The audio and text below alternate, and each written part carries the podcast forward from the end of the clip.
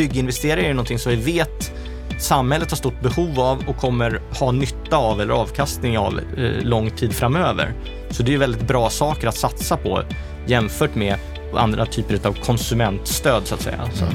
Och man, jag tycker ändå man, man hör en annan retorik. Alltså, för något år sedan var det tomt i ladorna, nu finns det krut så att säga. Mm. Och, och, och jag menar, vi har trots allt en ganska låg statsskuld. Väldigt låg statsskuld. Det, det, finns, det finns skäl, som Fredrik säger, att gasa nu för att minimera skadorna på ekonomin så mycket som möjligt. Borde politikerna satsa ännu mer på bygginvesteringar nu under krisen för att minimera skadorna framåt så mycket som möjligt? Gör de för lite idag? Och vad tror vi egentligen om de skador som byggindustrin kommer att få av den här krisen? Det kanske kan tyckas lite tidigt att slå fast hur byggindustrin, hur fastighetsmarknaden påverkas av den här krisen. Men utifrån vad vi vet idag, hur tror vi att läget kommer att bli framåt? Det kommer vi prata om i Bopolpodden idag. Ett riktigt intressant samtal som jag verkligen uppmanar dig att lyssna på till slut. För du kommer att få veta saker som verkligen hjälper dig att hålla dig ajour med nuläget i den här speciella tiden vi lever i. För istället för att göra sin sedvanliga konjunkturrapport så har byggföretagen istället tagit fram rapporten Så påverkas byggindustrin av coronakrisen. Den här kom för en vecka sedan. Om den samtalar jag med byggföretagens Fredrik Isaksson och med Ted Lindqvist från Evidens. Även Evidens är duktiga på att ge sina utlåtanden och sina analyser om vad de tror om framtiden. Varmt välkommen till Bopolpodden. Jag heter Anna Bellman. Jag är riktigt glad att du är med och lyssnar på just det här programmet. Är det så att du vill nå oss, då gör du det på podd.bostadspolitik.se. Och om du gillar det du hör, så sprid gärna den här podden till fler. Som vanligt så börjar vi med veckans Aktuellt. Då har vi kommit till veckan efter påsk och då är det dags för veckans Aktuellt. Stefan Attefall, vad säger vi om den här veckan? Ja, det stora på den politiska fronten är ju ändå att eh, vårpropositionen, den ekonomiska vårpropositionen har lagts fram eh, under onsdagen och eh, där regeringen spår en mycket dyster framtid. Det är ett kraftigt BNP-fall med minus 4 procent för 2020 man beräknar till. Och det ska jämföras med, bara för man trodde ett, för ett tag sedan, att det skulle vara plussiffror på 1,1 procent. Alltså det är kraftigt nedgång och det innebär att offentliga finanser blir mycket sämre. Man talar om eh, 200 miljarder i sämre offentliga finanser. Det är hiskeliga belopp på grund av den här coronakrisen. Och mm. eh, hur arbetslösheten också kommer att stiga här mot kanske 9 procent och, och sådana saker. Men det är ju bara en bedömning av hur man bedömer läget just nu. Det kan bli värre. Det kan bli värre, det vet vi inte. Det kommer vi prata om i vårt samtal senare också. Och i den här vårpropositionen, vilka åtgärder är det där som berör byggsektorn? Ja, man kan säga så här att det, det, är ganska lite som direkt berör, berör byggsektorn, förutom de allmänna stimulanser som ju alla drar nytta av. Men eh, en specifik sak för framförallt fastighetsbranschen och fastighetsägarna, det är den här hyresrabatten som man har pratat om. Och, och där är ju nu så att det, det, blir så att om du sänker som fastighetsägare med 50 procent hyran, då står staten för 25 procent, det vill säga hälften av den kostnaden. Men det här måste då ratificeras av EU eftersom det är ett statsstöd och eh, det väntar man fortfarande på besked om. Och, eh, så därför vet vi inte exakt hur det regelverket blir. Men, och så är det listat ett antal branscher som får omfattas av det här, så det är inte vem som helst. Men det är ju restauranger och det är hotell och det är eh, skönhetsvård och frisörsalonger och ja, alla de här små företagen som finns många gånger i bottenvåningarna på olika bostads och, och kommersiella fastigheter. Är det någonting du saknar när det gäller vårpropositionen? Alltså jag tillhör ju de här som kanske tycker att ropen på att det ska göras enormt mycket mer är kanske ibland lite överdrivna, åtminstone det här stadiet. Jag tycker nog att i allt väsentligt gör man rätt. Man har också förstärkt den här permitterings, eh, möjligheten att permittera arbetskraft och gett en generösare ersättning, vilket känns rimligt. Men det här med att man skulle ha 100% sänkning och 100% stöd av staten till allting, eh, det tror jag kanske är lite, lite farligt. Men eh, samtidigt, utvecklingen kan vi inte riktigt avgöra ännu. Det kan bli värre och då gäller det också att ha lite mera eh, krut i ladorna. Mm, lite mer ammunition.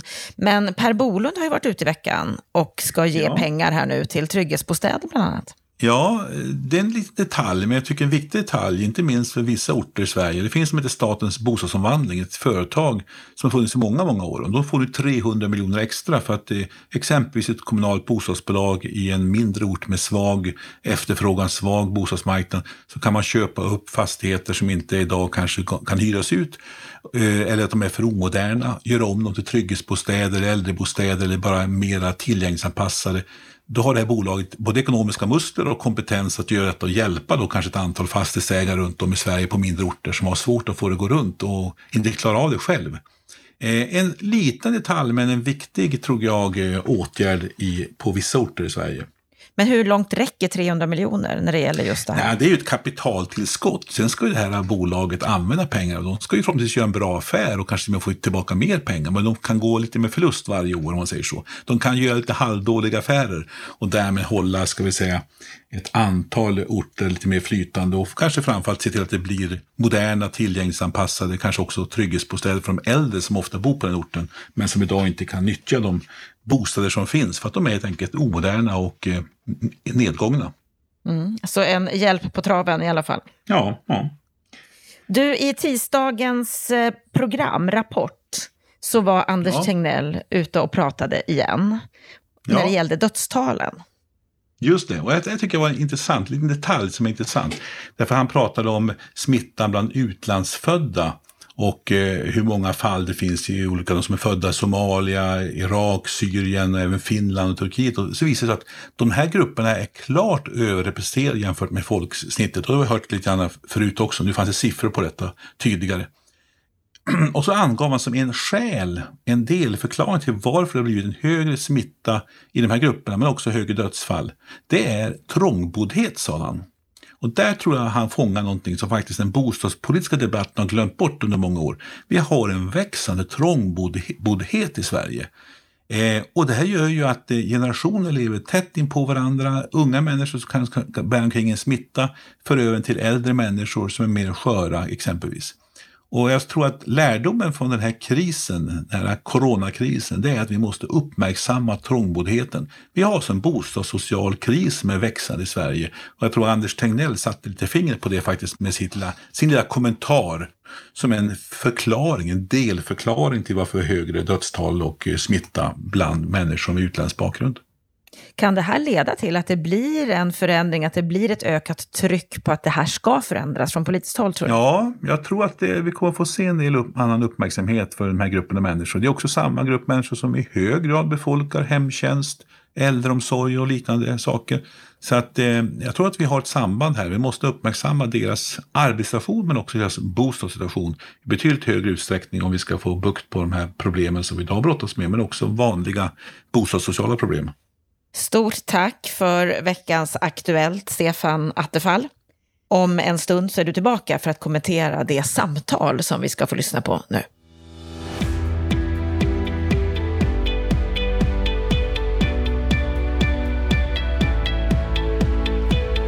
Hur påverkas byggindustrin av coronakrisen? Ja, det kan ju tyckas lite tidigt kanske att slå fast det redan nu, men utifrån vad vi vet idag, vad tror vi om läget just nu och läget framåt?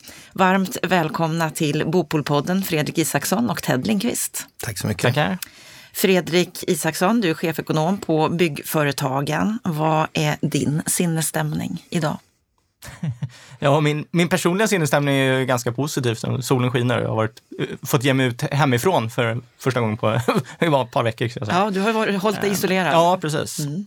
Men om vi ska gå in på, på byggindustrin så är det väl också så att sinnesstämningen än så länge är hyfsat positiv. Alltså, vi är inte den bransch som har drabbats eh, i första skedet av den här eh, totala nedstängningen av delar av ekonomin. Mm. Utan det är vad... mer på sikt som vi ser faror. Mm, och vad som vi ser på sikt, det ska vi prata om under det här programmet. Ted Lindqvist, fastighetsekonom, vd på analysföretaget Evidens. Andra gången du är med här i Bopolpodden. Vad är, vad är din sinnesstämning idag? Nej, men jag kan väl skriva under på det Fredrik sa tycker jag. Jag känner mig eh, pigg och glad och delvis beroende på att jag varit sjuk tidigare och numera känner mig frisk sedan ett par veckor tillbaka. Ja, för du har varit ganska risig i corona. Ja, eh, jag vet ju inte om jag hade det eftersom jag inte hann testa mig, men eh, jag skulle gissa det. Och, nej, men det var besvärligt en vecka ungefär. Mm. Mm, men nu mår du bra. Nu mår jag jättebra. Ja, och det är trevligt att få träffa er live. Vi har ju haft några program här nu då allt har spelats in på länk och kommer fortsättningsvis att göra det i vissa program också, för det är ju besvärligt. Vi ska inte träffas alla. För ungefär en vecka sedan så släppte ni på Byggföretagen rapporten Så påverkas byggindustrin av coronakrisen. Är det inte lite tidigt att släppa en rapport med det namnet, Fredrik? Ja, eh, det kan man kanske tycka. Eh, samtidigt fanns det en ganska stor efterfrågan på vad, vad vi såg framför oss. Eh, och enligt ursprunglig plan så skulle vi precis vid den här tiden ha släppt en vanlig konjunkturrapport som vi gör två gånger per år. Eh, och det valde vi alltså att inte göra, utan vi har valt att slä, lämna en rapport som är mer en scenariobeskrivning. Vi jämför med, eh, vi sätter dagens eh, bransch och dess storlek i förhållande till eh, vad som skulle ske då om vi, få motsvarande nedgång som vi såg vid eh, finanskrisen 2008-2009 där. Och även vad som eh, skulle bli fallet ifall vi skulle få en så kraftig kris som i början på 90-talet. Och sen har vi också ett mer positivt scenario där vi har några faktorer som vi pekar på att eh, offentlig sektor upprätthåller sina beställningar och, eh, och så vidare som blir något mildare nedgång. Då. Så att istället för att peka på, och, och vi talar inte om vilket ex, liksom, scenario som vi tror är mest sannolikt, för det, förmodligen blir det inte något av de här scenarierna, men det här pekar i alla fall på storleksordningarna. Hur, hur många färre bostäder kommer vi bygga? Eh, hur många riskerar att bli av med jobbet och så vidare. Mm, era tre scenarier kallar ni för extrem, negativt eller möjligt. Men varför ger ni inte någon hint om vad ni själva tror här? Eh, nej, just för som du är inne på att det är för tidigt och eh, saker ändras så väldigt snabbt just nu. Så att det, menar, bara en, en, vecka senare så är det andra förutsättningar. Och då blir det väldigt svårt att peka ut ett huvudspår tycker vi, så, särskilt när man tittar på bara en bransch. Mm. Ted, ni på Evidens, ni är ju ivriga i att hela tiden ge era analyser och era synpunkter på vad som mm. händer på marknaden just nu. Vad, vad säger du om det läget vi befinner oss i?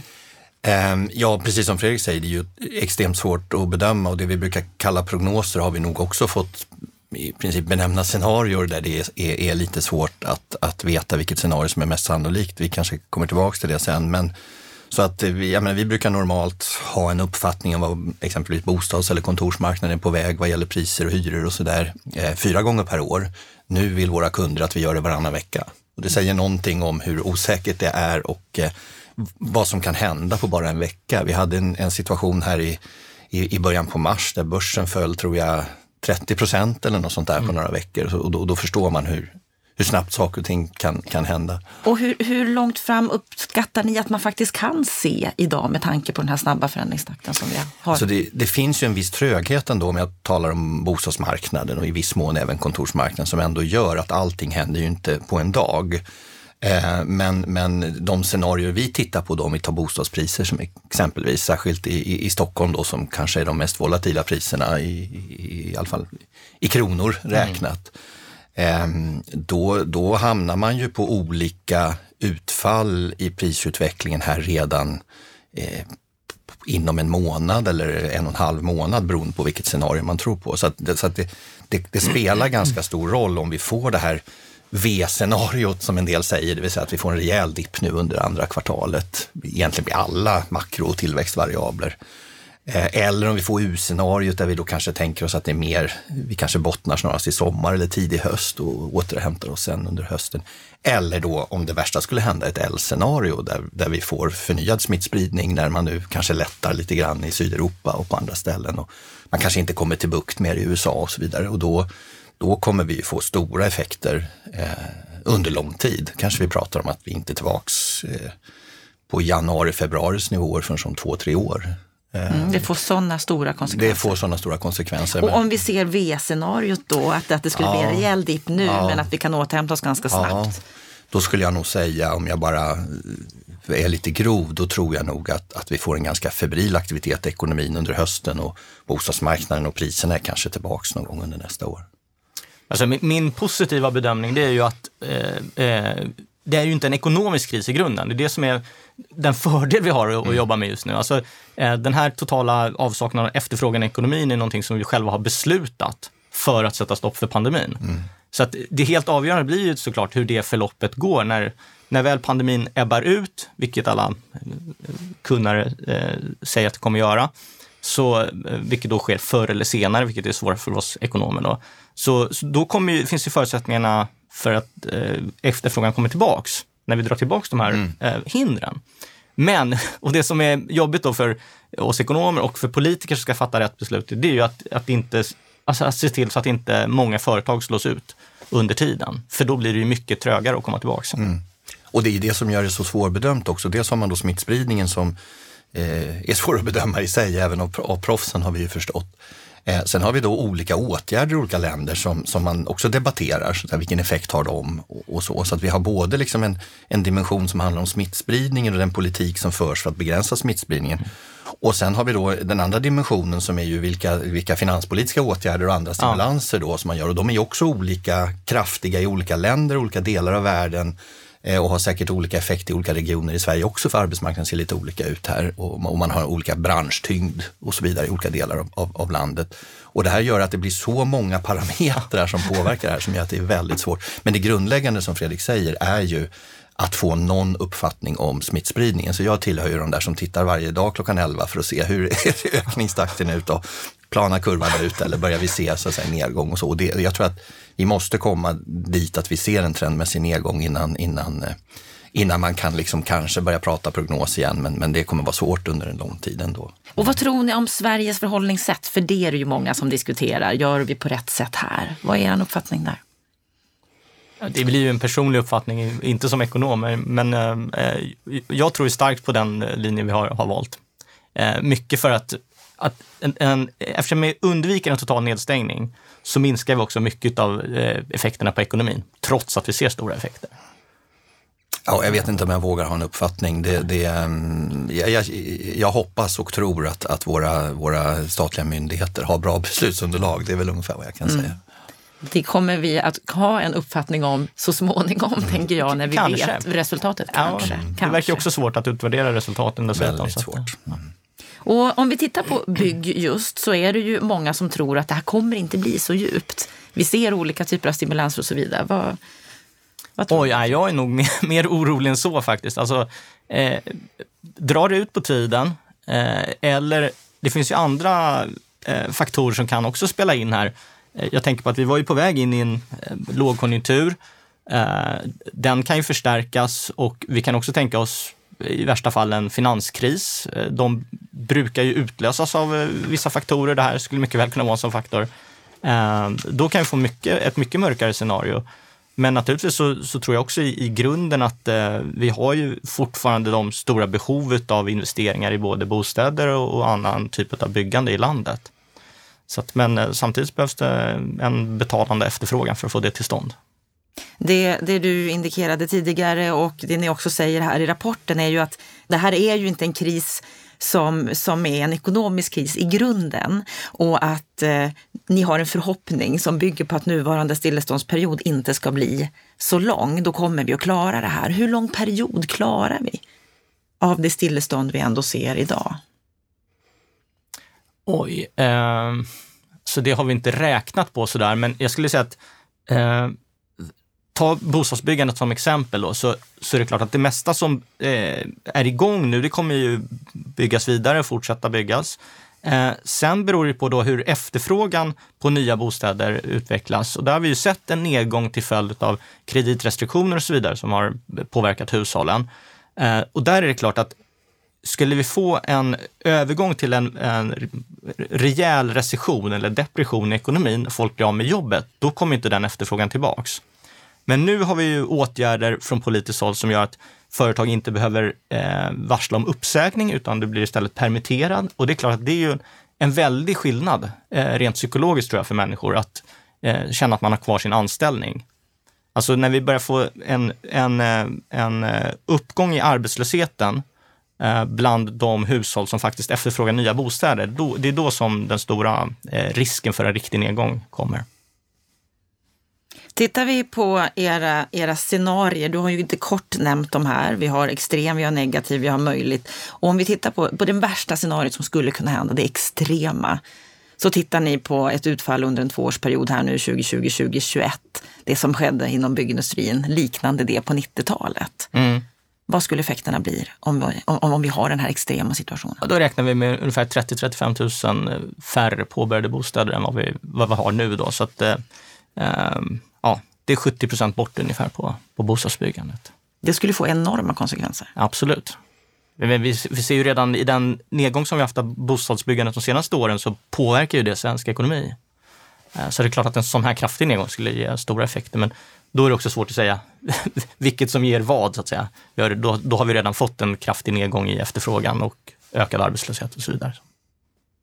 Och om vi då är lite mer modesta på den negativa, det negativa mm. scenariot som ni tecknar upp här. Där liknar ni det vid finanskrisen 2008-2009. Vad skulle det ge för effekter om vi hamnar där? Ja, då, då räknar vi med 30 procent ner på bostadsbyggandet ungefär. 15 000 färre bostäder. Um, och det, det, kan man också säga att eh, vid, vid, finanskrisen så hade vi ju, eh, då ska jag säga då var ju eh, byggmarknaden ännu mer osäker. Eh, man, många av våra medlemmar då eh, sa att vi bygger ingenting. Vi kommer inte bygga en enda bostad nästa år. Eh, och det hade jag som ekonom svårt, svårt att tro på. Och det blev ju inte så dåligt heller, utan eh, det, det byggdes trots allt vissa bostäder. Och det är den storleksordning som vi nu pekar på då skulle ge 15 000 färre byggstarter nästa år eh, Eh, och 2021 egentligen.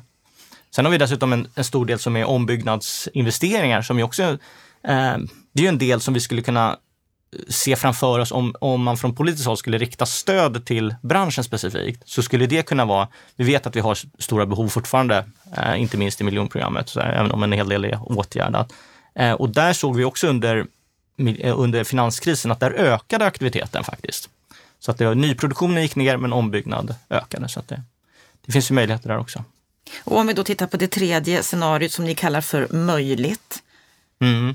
Vad, vad innehåller det scenariot? Eh, ja, framförallt så, när det, på bostadssidan skulle jag säga att där, eh, där är det en förhoppning om att eh, eh kommunala bostadsbolag ska kunna eh, tidigare lägga vissa investeringar och framförallt vidhålla de investeringsplaner som man har. Eh, det skulle ge ett stort stöd där. Men sen handlar det också om andra delar som eh, när det gäller övriga fastigheter då, eh, framförallt samhällsfastigheter, skolor, förskolor, äldreboenden och så vidare, som, eh, där vi vet det finns stora behov eh, och det finns också en hel del i, i pipelinen som, som planeras och att man inte drar ner på det från kommunernas sida. Och det, det tror jag faktiskt på, för att jag menar, eh, från regeringens sida har man ju varit ganska tydlig, även om vi från näringslivet tycker att man kunde satsa ännu mer, så har man varit tydlig med att man tänker gå in med rejäla åtgärder och att i det läget skära ner eh, på eh, ja, det som redan är planerat, det tror jag ligger längre bort faktiskt. Mm. Vad tror du om, om, om de här scenarierna, Ted? Eh, ja, det är ju återigen då svårt att, att bedöma sannolikheten för var, vart och ett av dem. Alla tre är ju på något sätt möjliga eh, mm. fortfarande. Jag är, väl gan, jag är väl än så länge, även om jag då tidigare sa att jag är beredd att revidera mig varannan vecka numera, eh, ganska pessimistisk. Alltså jag, jag, tror ju att den här krisen påverkar realekonomin. Så att det, det, även om det är ett virus så, så kommer vi att få kraftigt tapp i sysselsättning eh, och, och, inkomster och inte minst beslutskraft både hos hushåll och eh, företag och i offentlig sektor. Eh, om, inget, om, om det så inte snabbt studsar upp här nu på försommaren eller på våren. Och, eh, om man tar bostadsmarknaden då som, eh, som, som eh, hur den påverkas så kommer den ju vara, både alltså bostadsbyggandet om vi pratar om, om de ägda bostäderna då som är marknadsprissatta så så såg vi ju under 2017 när vi hade ett prisfall på ungefär 10 procent eh, att hushållen blev väldigt tveksamma att gå in i en ny affär eh, i nyproduktion eftersom det då ligger en inflyttning ett år bort eller två år bort. Och är man då osäker på priset på den bostad man ska sälja och om det är rätt pris på det man köper om två år, ja, då avvaktar man gärna och man fick ett kraftigt tapp i, i, i säljtakten för nyproduktion. Eh, och sen gick det lite tid och sen, sen planade priserna ut och började stiga igen och då kom liksom det här tillbaka, förtroendet för marknaden tillbaks och därmed så såg vi faktiskt det höstas. Mm, kunde faktiskt se vid årsskiftet. Ja, att, att, att nyproduktionsförsäljningen tog fart igen. Och sen kom då den här smällen på det. Eh, så dels tror jag tyvärr att man, man redan hade så att dragit ner delvis på sin projektkapacitet, i alla fall de här projekten som kanske var lite mer en chansning än andra projekt. Ehm, och eh, beroende nu på vad vi får för prisfall i successionsmarknaden så kommer vi få eh, ett tapp i efterfrågan på nyproduktion igen. Just för att den här riskpremien som hushållen vill ha måste dras av priset och det finns alltid en tröghet i det så att säga från, mm. från producentens sida som har sina kostnader och så. Ehm, och, och, mm, innan man hittar varandra igen då så tappar vi produktionsvolym. Så att min, min gissning är ju att vi går ner en del och hur mycket, ja det beror på hur stort prisfallet blir. När jag pratar med några i branschen så har jag förstått att det är inget byggföretag egentligen just nu som rapporterar om kraftigt produktionsbortfall eller minskad orderingång. Så än så länge känns det hyfsat. Inget av de större i alla fall. Mm. ska komma ihåg att branschen består av väldigt många små företag och de eh, har det nog rätt tufft, många av dem. Mm. Att, eh, och jag tror också att det finns en viss eftersläpning här. Vi, vi hade en ganska god marknad som vi sa här under årsskiftet och de första månaderna och det mm. är i pipeline och tuffar naturligtvis på och mm. man har ju bindande avtal, man tecknar sig för en bostad och så. Så att det, eh, jag tror att själva alltså facit får vi egentligen inte förrän vi kan studera Q2s siffror på byggstarter och kanske till och med Q3. Så mm. det, det, sker ju, så att säga, det finns en tröghet och en fördröjning.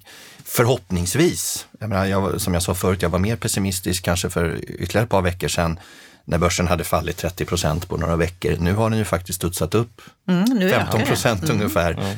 Ehm, och, och om det är så att, att investerarmarknaderna och börsen och därmed hushållens sparkapital på något sätt inte eroderar mer, ja då ser det lite bättre ut än annars. Så att, ehm, men, men man får följa det här egentligen vecka för vecka. Och hur ser läget ut nu? Vågar människor investera i bostäder, att köpa bostäder?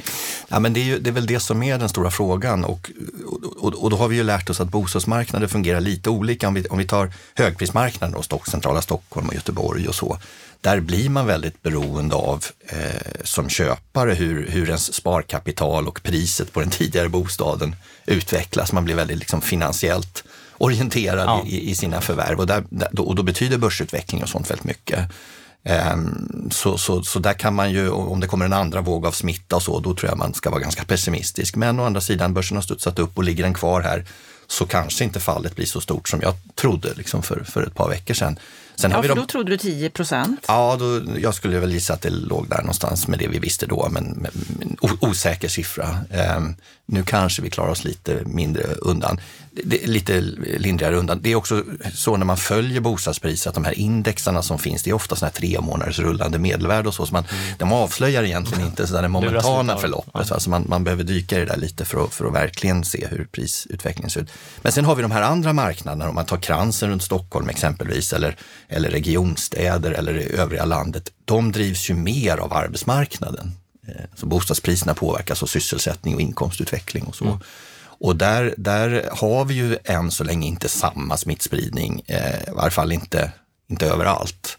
Eh, och klarar man sig lite bättre där och om arbetsmarknaden klarar sig där utan för mycket varsel och, och arbetslöshet, då kommer nog de marknaderna vara lite stabilare. Så på, på kort sikt tror jag att det knepigare i storstan, där marknaden är mer volatil och finansiellt orienterad, Eh, Eh, men ser vi då effekter i realekonomin här in på hösten i, i högre arbetslöshet i stora grupper och så, det är klart, då påverkas även bostadsmarknaden i, i resten av landet. Där blir det också väldigt intressant att se hur, eh, arbets, eller förlåt, hur, hur eh, sysselsättningen eh, utvecklas i olika grupper. För att de, som, de branscher som drabbades nu i början, så att säga, Eh, eh, resor, restaurang, hotell och så vidare. Mm. Eh, men ska komma ihåg att det är ju stora delar låglönegrupper också. Eh, och de, det är inte de som i första hand eh, efterfrågar eh, nyproducerade bostäder. Men beroende på hur arbetsmarknaden eh, utvecklas och hur, som du säger Ted, hur, hur bred den nedgången blir mm. så kommer det påverka väldigt olika hur, mm. hur efterfrågan mm. eh, utvecklas. Och sen har vi en annan vågskål då som ju handlar om att vi har i alla fall temporärt avvecklat eh, i alla fall kravet på amorteringar. amorteringar ja. Det är upp till banken i princip och dig som hushåll att, att, att diskutera det. Eh, vi har ju en situation där vi inte kommer rimligen att få i alla fall högre styrräntor. Hur obligationsmarknaden utvecklas är kanske svårare att säga, men, men än så länge ser det väl ut att inte sticka iväg. Eh, och, och, vi har då eh, en omfattande stimulanspolitik som ju på något sätt syftar till att upprätthålla efterfrågan. Så det, det finns ju krafter så att säga, som mm. verkar i båda riktningarna.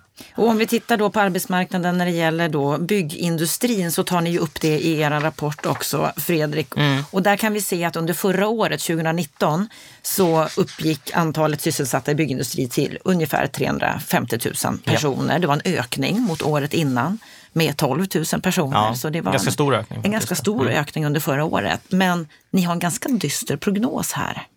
Ja, i de här scenarierna så, jag vill återigen poängtera att det inte är någon egentlig prognos, utan i scenarierna som, som motsvarar vad som hände i de här tidigare kriserna såklart, då försvann det många, eh, många jobb ifrån branschen. Mm. Och ni menar att vi riskerar att minska med 20 000 ja. personer eller motsvarande ja, 6 procent? Absolut, det, det, tror jag är nog en, en rätt stor risk. Eh, eh. Men att det kan också bli upp mot det tredubbla i det värsta scenariet? Mm.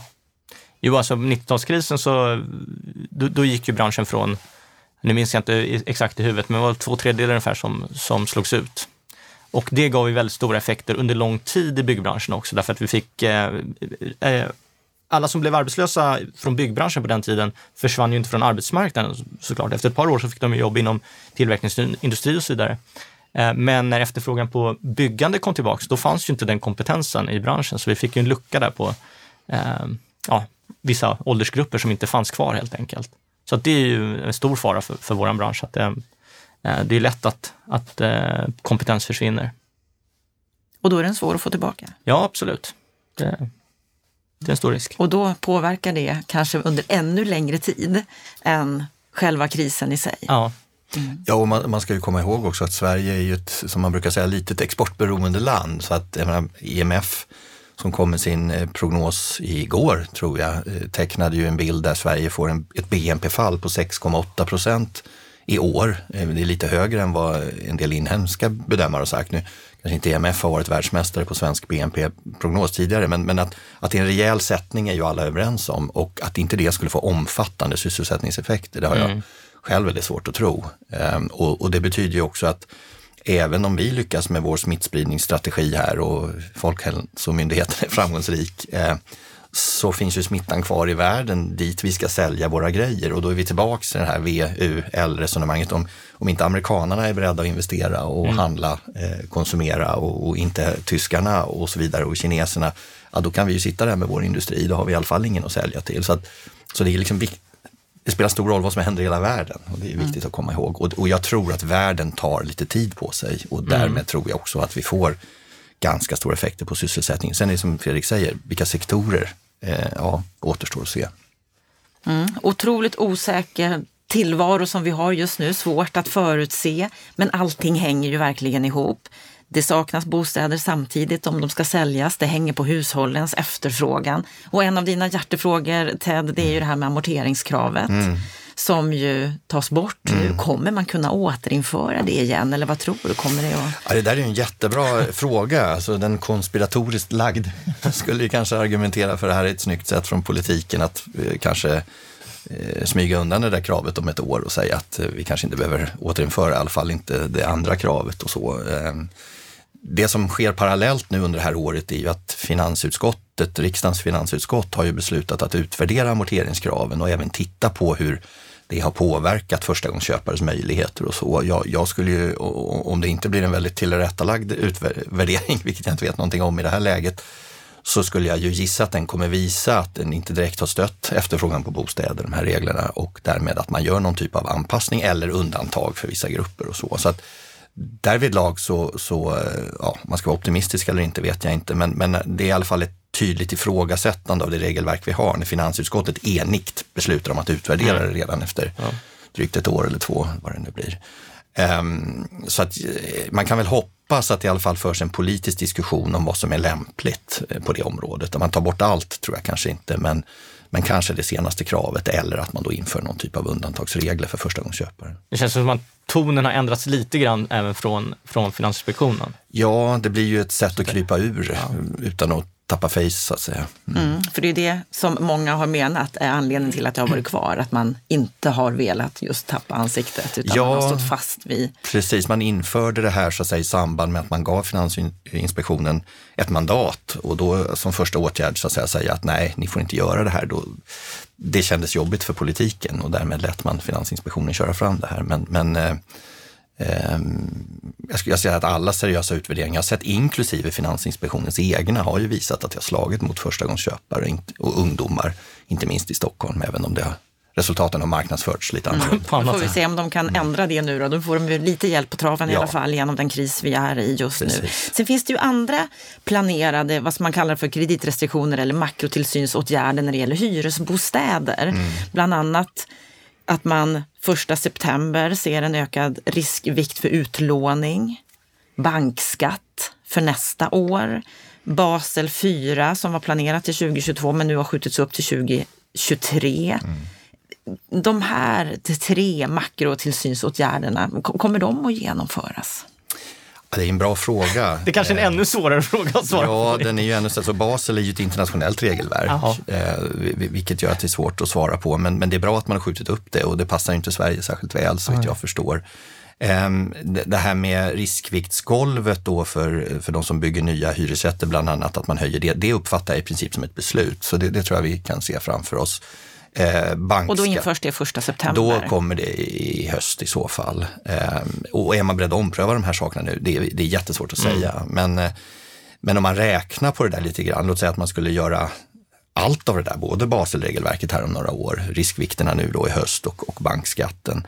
Då pratar vi om kanske alltså de lägre estimaten som jag har sett på vad det ger på, på för, för, för effekt på räntekostnaden då som banken måste höja det är ju kanske för något slags normalt belånat fastighetsbolag 3, 3 4, eh, alltså 0,3-0,4 procent på, på högre ränta och allt annat lika innebär ju det att, att man kommer bygga lite mindre.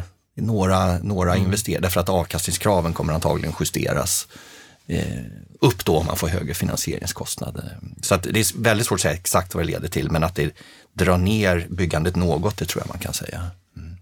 Hyrorna, riskerar de att bli högre? Ja, och det är därför byggandet går ner så att säga. Mm. För ska man då kompensera sig och få samma projektkalkyl som tidigare, då behöver man höja hyran lite. Ja.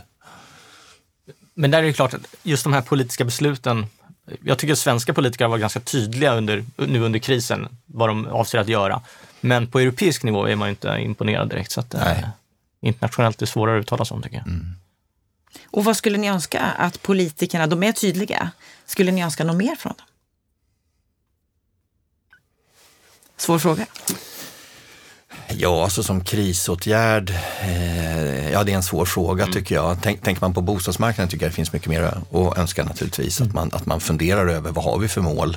Eh, hur ska bostadsmarknaden fungera för olika grupper och, och vad får vi för politik för att nå det målet? Här hänger det ju inte ihop idag. Det finns någon slags lösa eh, ja, oklart om det är mål eller myndighetsberäkningar om att vi behöver bygga mer som många håller med om, men väldigt lite politik som understödjer det. Förutom då att vi har en ganska expansiv penningpolitik som naturligtvis hjälper till. Ja. Sen är det alltid lätt att sitta utifrån och önska mer, så att säga. Ehm, men samtidigt, utan att vara expert på det området, så, så, finns det ju studier som pekar på att vid tidigare kriser så har man tagit i för lite från början. Mm. Och jag menar, politikerna är medvetna att de, de vidtar ju de här kostsamma åtgärderna för att undvika ännu större kostnader längre fram.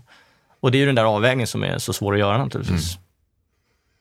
Mm. Men där, där, tycker jag att just, eh, eh, om jag får tala för vår bransch då, så är ju bygginvesterare någonting som vi vet eh, samhället har stort behov av och kommer ha nytta av eller avkastning av eh, lång tid framöver. Så det är väldigt bra saker att satsa på jämfört med Eh, andra typer av konsumentstöd så att säga. Så. Mm. Och man, jag tycker ändå man, man hör en annan retorik. Alltså, för något år sedan var det tomt i ladorna, nu finns det krut så att säga. Mm. Och, och, och um, i, retoriskt, och, och jag menar, vi har trots allt en ganska låg statsskuld. Väldigt låg statsskuld. Det, det, finns, det finns skäl, som Fredrik säger, att gasa nu för att minimera skadorna på ekonomin så mycket som möjligt. Och det skulle man kunna göra ännu mer, menar ni? Ja, antagligen. Ja, det, det, Om vi bara tittar lite kort på kontorsmarknaden. Vi har ju mm. sett beteendeförändringar, väldigt kraftiga sådana just nu. Mm. Vi blir mer och mer vana att jobba hemifrån. En studie som visar att fler och fler vill att deras medarbetare ska fortsätta att jobba delvis hemifrån även efter att krisen är över, för det blir mer effektivt med tid och resor och allt möjligt annat. Mm. Kommer den här beteendeförändringen att leda till en omvärdering när det gäller värdet av att ha ett kontor? Möjligt. Det, det, det, kan, det kan ju komma många beteendeförändringar av en sån här väldigt eh, liksom, omfattande förändring i vårt beteende. Jag mm. tänker på man, eh, på helgerna man är ute, ute i skogen så är det väldigt massa folk ute i skogen nu. Mm. Eh, så att efterfrågan på köpcentrum kanske går ner också. Mm. Eh, folk kanske upptäcker andra saker.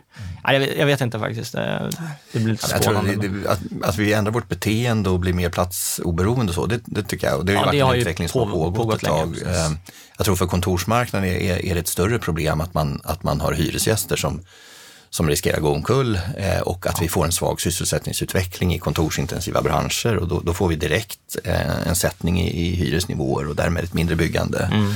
eh, och ökade vakanser. Så jag tror att vi står inför en situation där vi, i varje fall då i Stockholm som ju har drabbats värst än så länge av, av både varsel tror jag och, och, och smitta, där, där kommer vi nog se ett fall i hyrorna och Samtidigt ska man ju komma ihåg att vi även under hösten och runt årsskiftet var på väg in i en, jag vet inte om man ska kalla det för lågkonjunktur, men betydligt lägre tillväxttakt än tidigare. Så, att, så, det, så det här har, det kom redan under hösten, årsskiftet och nu har krisen förvärrat den situationen. Um, och jag, jag, när jag pratar med mina kollegor som, som, som är i transaktionsmarknaden och så nu, så är, det händer inte särskilt mycket just nu. Så jag tror att vi kommer att se en, en uh, minskad aktivitet på transaktionerna under i alla fall ett par kvartal här nu och, och vi kommer också se en svagare hyresmarknad. Men på sikt tror jag också att, eh, som du var inne på Ted, att trenden har ju pågått ett tag att vi gör mer yteffektiva kontorslösningar. Vi vet att många kontor står, still, mm. eller står tomma stora delar av dagarna och så vidare. Men däremot Eh, tror jag att väldigt många av oss, jag sitter hemma och jobbar, väldigt många som jag känner som sitter hemma och jobbar, eh, har ju också sug av att komma tillbaka till kontoret och träffa sina kompisar och kollegor och så vidare. Så att, eh, Ja, det är trevligt ja, att podda med er mm. i studio. Det är ju faktiskt det. Ja, men det, det blir något annat mm. att träffas. Ja. jag tror, snarare kanske att man inte tar det där mötet i Göteborg. Det, det har man lärt sig, att det funkar på Teams. Resmönster kan nog ja. förändras mer. Tror jag. Men, men eh, kollegorna på kontoret, nej, men de längtar man efter lite. Mm. Om vi ska försöka sammanfatta det här så, så är det ju svårt att sia vad som kommer att hända framåt. Det ändrar sig snabbt från dag till dag nästan. Två veckors prognoser, de, de är ganska långa mm. som det känns idag. Men vad, vad, skulle ni säga är er uppmaning till branschen, bygg, bostads, fastighetsbranschen för att klara den här situationen vi har på bästa sätt? Alltså, min spontana upp, uppmaning är ju bara att försöka hänga i så gott det går. Liksom att uh, hålla modet uppe och, och, förstå att det kommer gå över så småningom. Eh, sen är det klart att det är väldigt individuellt för olika företag hur hårt de är drabbade i det här läget så att säga. Mm. Eh, och sen blir uppmaningen till politiken då att för min del så känner jag att, eh, att genom just det kommunala eller regionala systemet eh, se till att eh, upprätthålla efterfrågan på, på byggande. Mm. Det är väldigt avgörande för vår bransch. Ja, men det, jag tror det är jätteviktigt det Fredrik säger, det sista. Menar, privata företag har sina förutsättningar och, och Eh, kan inte trolla med knäna och det måste finnas ett cashflow så att säga, man ska fatta beslut och framåt. Men den offentliga sektorn, jag har ju som konsultföretag själv påverkats av att, att man helt enkelt prioriterar om då i kommuner och regioner och ägnar sig åt annat. Eh, när man då jag skulle kunna fortsätta att beställa tjänster av, av, av, av näringslivet. Eh, så, att, så att just de offentliga beställarna hoppas jag verkligen jobbar med sin beslutsfähighet trots situationen. Ja, och framåtblickande. Ja. Då får vi hoppas att era uppmaningar tas på allvar och att vi klarar att rida ut den här krisen på allra bästa sätt. Stort tack för att ni gästade Bopolpodden, Fredrik Isaksson och Ted Lindqvist. Tack så mycket.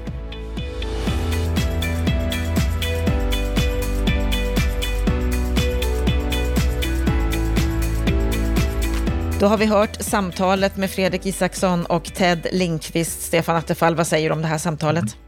I ett mycket eh, bra samtal tycker jag, där eh, två kloka personer tycker jag reflekterade ganska bra, både över svårigheten att bedöma läget men också över eh, vad är det för typ av problem som bygg och fastighets och bostadssektorn står inför. Så att jag tycker att den som inte lyssnar på det här samtalet, den, den missar en hel del av kunskapsinhämtning tycker jag. Mm. Det är samtidigt, som de säger flera gånger, det är svårt att sia om framtiden just nu. Ja, ja. Ja, och jag tycker att de här eh, ska kalla scenarierna eller räkneexemplen som byggföretagen har gjort, som Fredrik Isaksson påpekade, de är ju liksom lite skisser på hur det kan gå. Eh, jag tror att han hade ett scenario som byggde lite på 90-talskrisen. Ja, men, sån kris får vi inte, för då fanns det en massa andra faktorer. Men eh, de har ju helt rätt. Jag tror Claes Eklund var i Rapport häromdagen och talade också om, eh, om att alltså vilka effekter det kan få på den reala ekonomin. Och jag tror att Ted Linkes var inne på det också. Alltså det är där stora faran ligger. att Den arbetslöshet som nu utvecklas, de företag som slås ut, att det gör att vi får alltså massa människor som hamnar utanför arbetsmarknaden långsiktigt. Och, och, tänk bara så här att de som har kommit in på arbetsmarknaden senare tid, det är ofta människor med en svag utbildning, nyanlända, människor med, med, som har haft ja, det är svårt att hävda sig. De åker ut först. När företagen ska börja nyanställa igen efter den här krisen, då kommer de vara försiktigare och de kommer välja noggrant och börja i liten skala och sen växa. Och då kommer de här grupperna få ganska lång väg tillbaka till arbetsmarknaden. Och risken är då att inte samma jobb finns kvar, att de inte platsar, att de får långsiktiga arbetsmarknadsproblem. Och då får vi alltså en ännu starkare tudelning av arbetsmarknaden. Det är den stora faran som långsiktigt får konsekvenser på hela sociala strukturen i Sverige. Och vad har det här för konsekvenser tror du när det gäller byggbranschen? Fastighetsbranschen? Ja. Och här, det här är ju lite olika, därför att det är som de själva var inne på, det är olika effekter på olika delar. Alltså bygga offentliga lokaler, offentliga investeringar, kommunala bostadsbolagen. Där bör det inte hända så mycket, därför att där borde de tuffa på som vanligt. Det vore, korkade vore ju om de började dra ner. Men, men, och där ska man kanske kunna för, öka ambitionerna och tidigarelägga projekt. Eh, hushållen däremot, det beror ju helt på utvecklingen. Där vet vi att börserna har rasat. Det gör att hushåll blir stressade. Vi vet att eh, många bostadsutvecklare blir stressade nu när hushållen kanske inte vågar eh, binda sig för nya projekt. Och då får vi lägre bostadsrättsbyggande och småhusbyggande. Medan hyreshusbyggandet inte borde kanske drabbas lika mycket i, i, i, i det här skedet. Men blir det långsiktiga effekter, då får det också större effekter även på dem. Eh, kontorsmarknaden, det är nog en mycket besvärligare fråga. Jag tror ju att eh, man kommer att krympa ytor. Man kommer att jobba mer hemifrån, man kommer inte ha lika mycket fasta arbetsplatser längre i framtiden. Jag tror att kontorsmarknaden får det lite jobbigt. Hotell vet vi ju, där är det katastrof redan nu. Och jag tror att det tar ruskigt lång tid innan de är på banan igen. Så att, vilken delmarknad pratar du om? Vilka perspektiv tittar du från? Och det är det här som är tror jag, politikens problem ibland när de ska analysera bostads och byggmarknaden. De, de ser helheten men de ser inte de olika delarna som faktiskt påverkas olika mycket. Både kort, kort sikt men också självklart på lång sikt.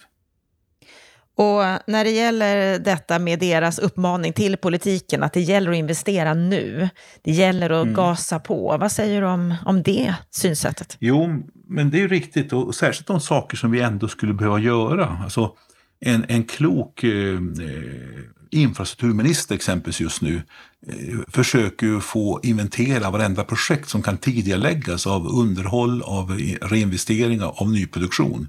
För att när vi kommer igång med ekonomin då måste vi kickstarta igång den. Och kan man då tidigarelägga ett halvår, ett år, en investering som ändå skulle behöva göras så kommer det att hjälpa till att få igång ekonomin. Men sen tror jag också att man måste stabilisera det här med hushållens eh, möjlighet att efterfråga bostäder. Jag tycker det här amorteringskravet som man nu slopar här fram till nästa sommar, det ska man ju snabbt säga, det gäller inte för lång tid framöver. För att därmed skapa eh, ska säga, planeringsförmåga hos hushållen. För det, är ju, det här är ju inte bara en fråga om vad som de facto finns i plånboken, utan det är också en fråga om psykologi. Vågar du fatta beslut? Och ju färre som vågar fatta beslut, även om de hade resurserna för det, desto sämre aktivitet får det på ekonomin. Eh, men, men politiken kan ju göra en del, men eh, eh, det är mycket, alltså, stimulerar du ekonomin i ett läge när folk är rädda för att fatta beslut, det spelar ingen roll hur mycket pengar du skickar in i systemet. Det är först när människor tror men nu finns det en ljus i tunneln där borta, nu kan jag våga fatta ett beslut. Då får stimulanser effekt. Och när det gäller kommunernas förmåga att fortsätta driva sina verksamheter, att mm. fortsätta investera, vad säger du där? Ja. ja, det är ju jätteviktigt och där är de helt inne på att här måste ju de kommunala bostadsbolagen snarare tidigarelägga projekt och här måste kommunerna fortsätta investera och köpa. Och jag blir så bara så förvånad när jag sitter i min egen hemkommun Jönköping och ser hur kommunledningen här eh, eh, väljer att, eh, att införa köp och anställningsstopp för all verksamhet utanför vård, omsorg och skola. Alltså den center och socialdemokratiskt ledda kommunen fattar inte att är det någonting man ska göra i det här läget så är det ju inte att dra i handbromsen utan tvärtom göra allt man skulle behövt göra annars men kanske till och med tidigarelägga det. Ska man köpa eh, här skulle kommunen kunna hamstra. Ska man köpa toapapper för ett år så ska man göra det nu. Hålla igång transporter, hålla igång grossister, hålla igång små, småföretag men också de större företagen. Så att Kommunerna har en roll att spela här eh, och det måste de inse. Och det är många kommunpolitiker som måste ta sin del i ansvaret. Det är inte bara staten som kan lösa det här. Mm, det gäller att gasa, att inte vara försiktig i det här läget. Du, jag avslutade samtalet med eh, Fredrik och Ted med att fråga om deras uppmaning till bygg och fastighetsbranschen. Har du någon, någon uppmaning du vill skicka med? Alltså bygg och fastighetsbranschen ska våga, eh, tror jag, planera för framtiden. Eh, man blir lätt förlamad av det som händer nu, men det kommer alltid en ska säga, morgondag. Eh, och sen är det ju bara att försöka övervintra tills dess. Men jag tror ju att det finns en morgondag och de som, de som har ska säga, skött om sitt hus och som att man har marginaler, man, man, man står inte för, inför konkurs, de kan också sikta framåt för de kommer också vara viktiga när ekonomin vänder uppåt. Men eh, sen tror jag man ska vara ärlig också och beskriva för politikerna också vilka problem man har och visa just på att olika frågor berör olika delar av bygg och fastighetsbranschen. Och det tror jag är viktigt att, att hjälpa till att höja den kunskapsnivån. Men eh, som sagt var det Deppa inte ihop utan sikta framåt och sen så inse att eh, vi behöver bostäder även imorgon. Demografi, allting talar för att vi behöver fler bostäder. Så att eh, planera för detta. Det mm. tror jag är riktigt och viktigt. Deppa inte ihop, planera och se framåt och se positivt. Stort tack för den här veckan, Stefan Attefall. Tack. Ja, mitt i rådande coronakris så behöver saker och ting fortsätta fungera. Det vi tar med oss ifrån den här veckan är just det. Fortsätt investera, fortsätt att gasa och gasa ännu, ännu mer. Det var allt från Bopolpodden den här veckan. Du hör oss igen nästa vecka och fram tills dess så hoppas jag att du tar hand om dig själv och att du får en fin vecka.